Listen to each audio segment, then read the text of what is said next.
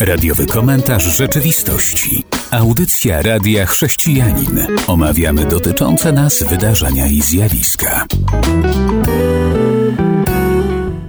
Witam serdecznie słuchaczy audycji Radiowy Komentarz Rzeczywistości. Witam Was Robert Kubiak i Tomasz Kalisz. Witam Tomku, ty dzisiaj po raz pierwszy na antenie w tejże to audycji. Cieszymy się, że jesteś z nami.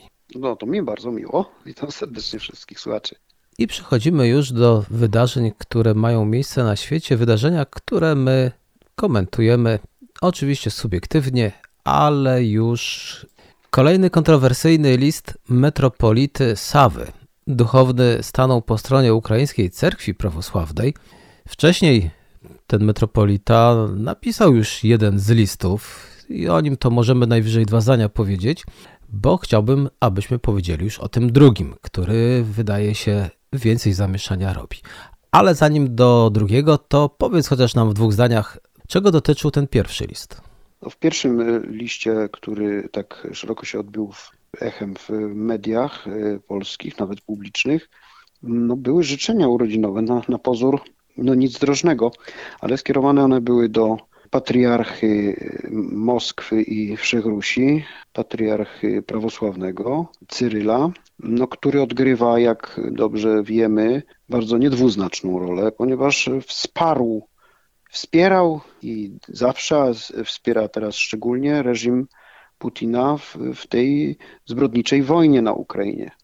No, tutaj głębiej trzeba by sięgnąć w historię i, i przypomnieć, że prawosławie, mm, czyli ta część chrześcijaństwa wschodniego pozostająca pod honorowym zwierzchnictwem patriarchy konstantynopolitańskiego, czyli wywodząca się gdzieś ta tradycja z, z cesarstwa wschodnio-rzymskiego, czyli podporządkowania, całkowitego podporządkowania kościoła państwu, zwanego w historii cezaropapizmem, prawosławie ma właśnie takie, jakby jego cech charakterystyczne, taką skłonność do, do y, serwilistycznego stosunku do państwa, co widać właśnie wyraźnie w prawosławiu rosyjskim. I należy się dziwić, dlaczego ze względów historycznych, polskich, chociażby już nie mówiąc o Ukrainie, zwierzchnik polskiego prawosławia, metropolita warszawski Sawa, tak się zachowuje, bo w liście tym nie tylko składa życzenia, no to nic, jak już powiedziałem, nic złego, ale wychwala e, Cyryla za to, że pod jego panowaniem cerkiew rosyjska się odradza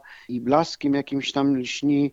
No w kontekście zachowań e, części kleru prawosławnego rosyjskiego, a szczególnie wypowiedzi właśnie samego Cyryla, w kontekście tego, tej zbrodniczej wojny na Ukrainie, brzmi to co najmniej niesmacznie no tak, to było to, ale przejdźmy teraz do tego listu współczesnego.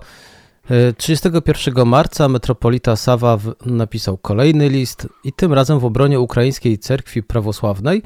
Na początku marca władze ukraińskie nakazały opuścić ukraińskiej cerkwi prawosławnej powiązanej z patriarchatem moskiewskim teren Ławry Peczerskiej. Nie wszyscy zapewne nasi słuchacze wiedzą, że Ławra ma ogromne znaczenie dla życia monastycznego, ale również jest takim symbolem duchowym i wręcz nawet narodowym Ukrainy. Tak, no Ławra Peczerska jako, jako pomnik średniowiecznej architektury, jako miejsce, no ważne centrum duchowe prawosławia, chrześcijaństwa, można powiedzieć całej wschodniej Słowiańszczyzny. Pamiętajmy, że Kijów był, był ważnym ośrodkiem chrześcijaństwa w średniowieczu. To podsumowując, chcę powiedzieć, co napisał metropolita Sawa. To, co dzieje się z ławrą kijowsko-paczerską i innymi ośrodkami monastycznymi, świątyniami i waszą uczelnią jest wyrazem wielkiego zniewolenia i prześladowania cerkwi. To czy ta cerkiew na Ukrainie, chociażby związana z Rosją, faktycznie jest prześladowana, czy Ukraińcy tak lubią prześladować siebie?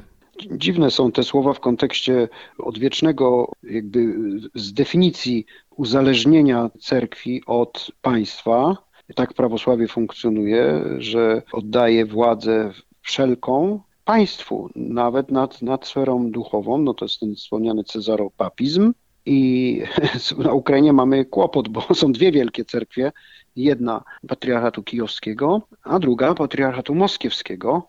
Tak się składa, że ten naj, największy symbol chrześcijaństwa wśród Słowian wschodnich, jakim jest właśnie ten monastyr wspomniany, Ławra Peczerska, pozostawał w jurysdykcji właśnie tej, tej cerkwi podległej patriarchatowi moskiewskiemu i władze państwowe, służby wywiadowcze czy służby bezpieczeństwa znalazły w tym obiekcie bardzo dużo materiałów e, prorosyjskich, antyukraińskich, co w, w, obliczu konfliktu zbrodniczej wojny, napaści Rosji na, na Ukrainę, no, stawiało y, mieszkających tam mnichów i, i władze kościelne no, w bardzo złym świetle. niedobrym świetle i no, jest to zrozumiałe, że w takiej sytuacji władza państwowa wkracza, już niezależnie od tego, jaki jest, jakie są, panują stosunki między, między poszczególnymi wyznaniami a państwem. Czyli nie jest zniewolona i prześladowana cerkiew z powodu wiary, ale z powodu zaangażowania politycznego. Politycznego. Tam, tam zresztą okazało się, że mieszkali mnisi, którzy nie byli obywatelami Ukrainy, znaczna ich część była obywatelami Rosji lub innych państw, więc no to, to w w tym kontekście wzbudzało na pewno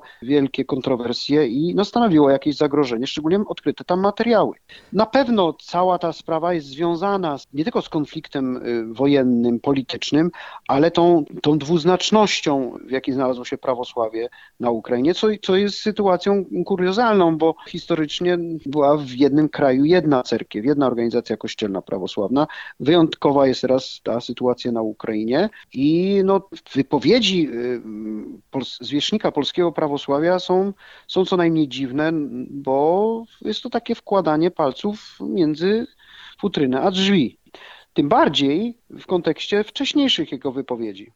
Teraz zapraszam słuchaczy na przerwę muzyczną, po której wracamy i dowiemy się, co tam jeszcze słychać na świecie.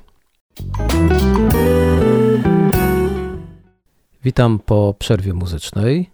Chcielibyśmy przenieść się na chwilę do Katalonii, ten rejon, jak niektórzy mówią, dosyć ciekawy, historyczny i piękne krajobrazy, ale ostatnio dał się poznać po tym, że władze Katalonii wydały przewodnik dla pracodawców, w którym zawierają sugestie, jak szanować wolności religijne swoich pracowników.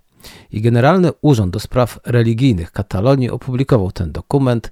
I co w nim się znalazło? No, chodzi o sytuację, żeby w pracy uregulować kwestie noszenia strojów i symboli religijnych, jak radzić sobie z różnymi życzeniami w związku ze świętami, no i oczywiście są przerwy religijne i inne dylematy sprzeciwu sumienia. Od razu powiem, dokument nie jest wiążący prawnie, ale jest jakiś pomysł i wyjście naprzeciw problemom. Czy widzisz sens istnienia takiego dokumentu? No pytanie, co dokładnie tam możemy znaleźć? Czy te sugestie mają ograniczać, wprowadzać jakieś restrykcje w tej sferze? No jakże delikatnej, bo wszystko to, co dotyczy kwestii sumienia, wyrażania swoich przekonań, no wiemy z, z innych kontekstów, chociażby z tego, co się działo we Francji, kwestia noszenia tych muzułmańskich burek, strojów kobiecych i tak dalej, turbanów, które mają na głowach sikhowie, i tak dalej, no to już, już przerabialiśmy te, te kwestie.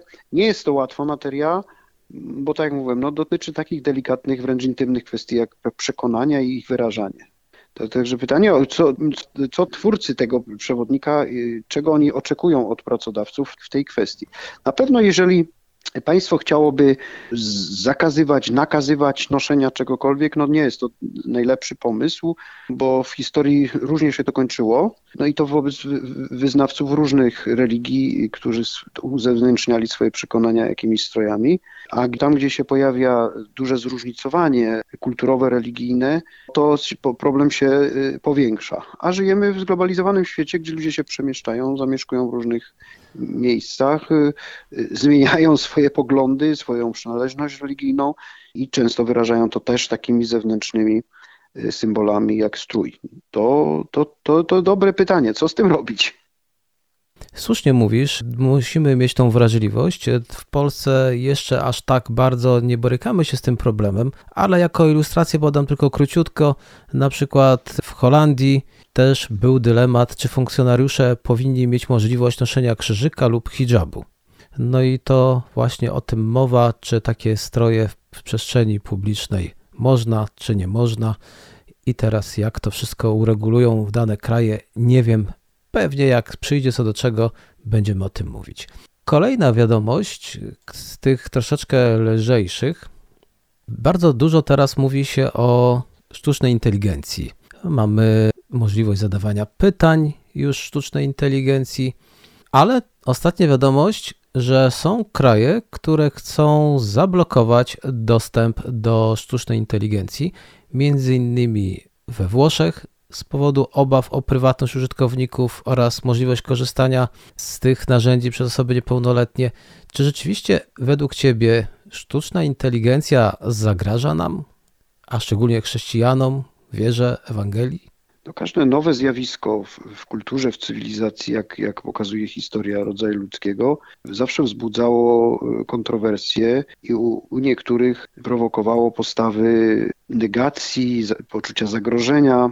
No ale tak, tak to jest, że, że człowiek się rozwija, jego, jego kultura, jego cywilizacja i, i dochodzi do różnych momentów przełomowych, które zawsze wywołują jakiś kryzys bo osoby zachowawcze boją się czegoś nowego, z kolei progresiści chcą przyspieszać pewne zmiany, no i, i, i budzi to naturalne napięcia. Tak było, przy, jak przechodziliśmy z, z manufaktury na, na, na maszyny, jak pojawia się kolej, elektryczność i tak dalej, i tak dalej. No, no to, co nowe, to co, to, co tak radykalnie nowe, zmieniające nasze dotychczasowe przyzwyczajenia czy naszą rzeczywistość, siłą tworzy jakieś napięcia, a ze sztuczną inteligencją, jak sama nazwa wskazuje, będzie chyba jeszcze więcej problemów, bo tak się szczycimy jako ludzie, że posiadamy inteligencję w odróżnieniu od innych y, fragmentów świata stworzonego, a jeszcze jak ma ona być sztuczna, a przecież my mamy tą, tą naturalną, to już widzimy wielką debatę medialną, naukową, publicystyczną, no i takie postulaty zahamowania tego procesu, prac nad tym, ale chyba z, z, ograniczeń, z zahamowań, jak pokazuje historia, nic dobrego nie, nie wynika. Raczej spokojne pochylanie się, rzeczowa dyskusja i na szczęście żyjemy w świecie globalnym, gdzie ta wymiana informacji, dostęp do niej jest duży, więc można szybko zapoznawać. Nie, nie musimy być wtedy zaskakiwani czymś. Chyba będziemy zaskakiwani, dlatego że wszystko zależy od tego, kto posiada te komputery, czyli w czyich rękach jest sztuczna inteligencja, dlatego że ją się uczy i można jej też wpisać program, że pewnych informacji nie podawała, albo pewne informacje wręcz podawała. I tu taka ciekawostka na koniec tej naszej krótkiej refleksji. Jakiś czas temu zadałem pytanie sztucznej inteligencji. Dokładnie było pytanie, co wie o Radiu Chrześcijanin.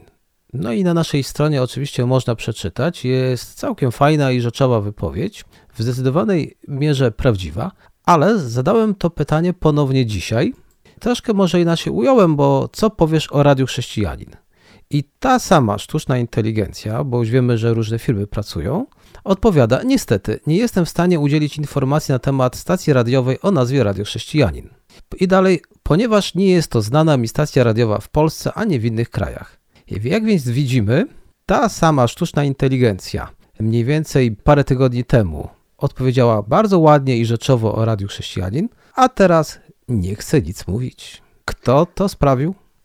Ale na pewno słuchacze Radia Chrześcijanin nie muszą się jej na razie obawiać, bo albo on nic nie wie, albo mówi rzeczowo, więc na pewno, na pewno trzeba czekać na dalszy rozwój. Skoro jest kilka projektów tej sztucznej inteligencji, to ale to mówimy o tej samym projekcie, o tej samej firmie i o tej samej stronie, i dlatego jest już taki zgrzyt. A więc ktoś, ktoś nas tam usunął i dziękujemy. Usunął albo algorytmy zadziałały inaczej. No nie wiemy jeszcze, jak to wszystko działa. Musimy, musimy trochę poczekać i przyglądać się, jak to się będzie rozwijać. Ale nie należy się wszystkiego obawiać co jest wokół nas. Raczej poznawać, raczej poznawać. Ważne, że my znamy Rady Chrześcijanin, ale szkoda, że już sztuczna inteligencja o nas zapomniała. Także drodzy słuchacze, wy o nas nie zapominajcie. A teraz... Więcej słuchaczy, więcej y, odsłon, częściej algorytmy będą Radio Chrześcijanin zauważały. Tego trzeba życzyć. I będą nam sprzyjać. Teraz zapraszam na kolejny utwór muzyczny, po którym będzie część trzecia i ostatnia. Wysłuchaliśmy utworu muzycznego. Witam po przerwie. Jesteśmy w ostatniej części. Na koniec, chyba tylko na ten temat zostanie nam czas. Chrześcijanie zastanawiają się, jaki mieć stosunek do takiego zjawiska jak surogatki. I nie tylko chrześcijanie.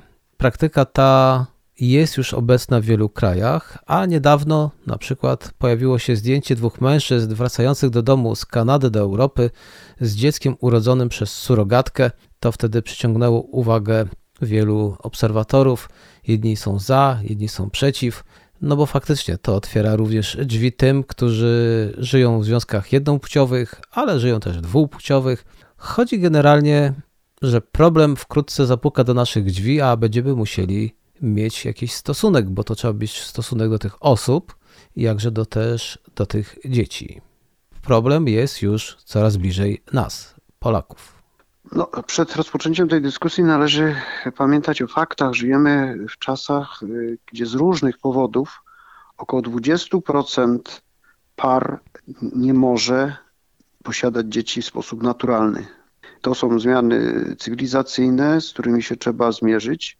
I, I, też tą wrażliwość należy posiadać wobec tych osób, które z różnych powodów dzieci nie mogą mieć, a pragną tego.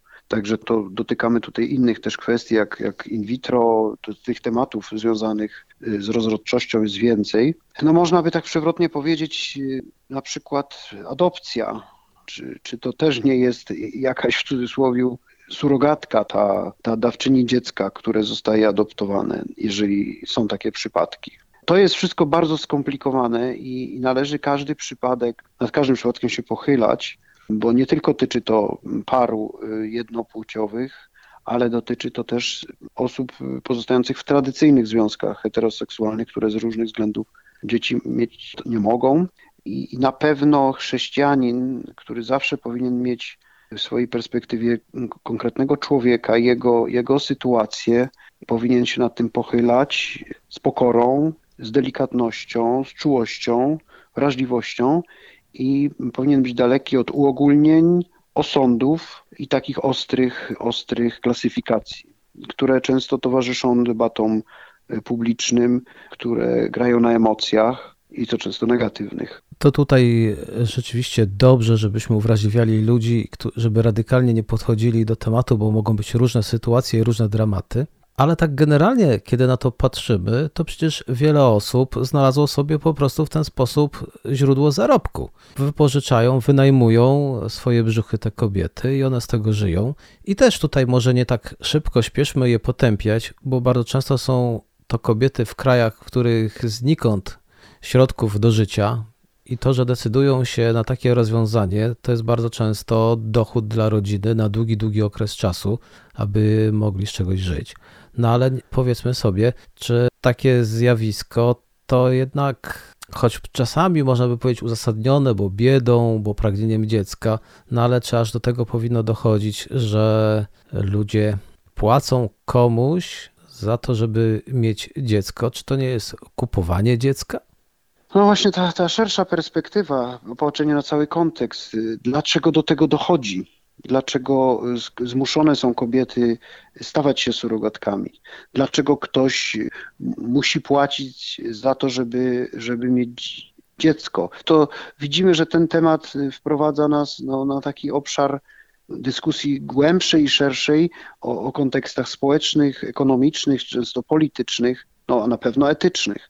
Tym bardziej zachęcam do, do przyglądania się poszczególnym przypadkom, ale w tym szerszym kontekście, właśnie, żeby nie, niezbyt pochopnie potępiać, niezbyt pochopnie się od tego odwracać i nie interesować, bo zawsze los człowieka w tym, tej skomplikowanej rzeczywistości, jakiej funkcjonuje, powinien nas najbardziej interesować. Ale na pewno nie powinny być przedmiotowo traktowane ani kobiety rodzące dzieci, ani tym bardziej te dzieci nie powinny być stawać się jakimś towarem, zaspokajaniem tylko czyichś egoistycznych zachcianek. No to w ogóle w planowaniu rodziny wszystkie te rzeczy powinny być bardzo delikatnie i mądrze rozpatrywane. I tymi to słowami kończymy naszą dzisiejszą audycję. Dziękuję za uwagę. Dziękuję Tomkowi. Słuchali Państwo Tomasza Kalisza i Roberta Kubiaka. Do usłyszenia. Do usłyszenia. Był to radiowy komentarz rzeczywistości.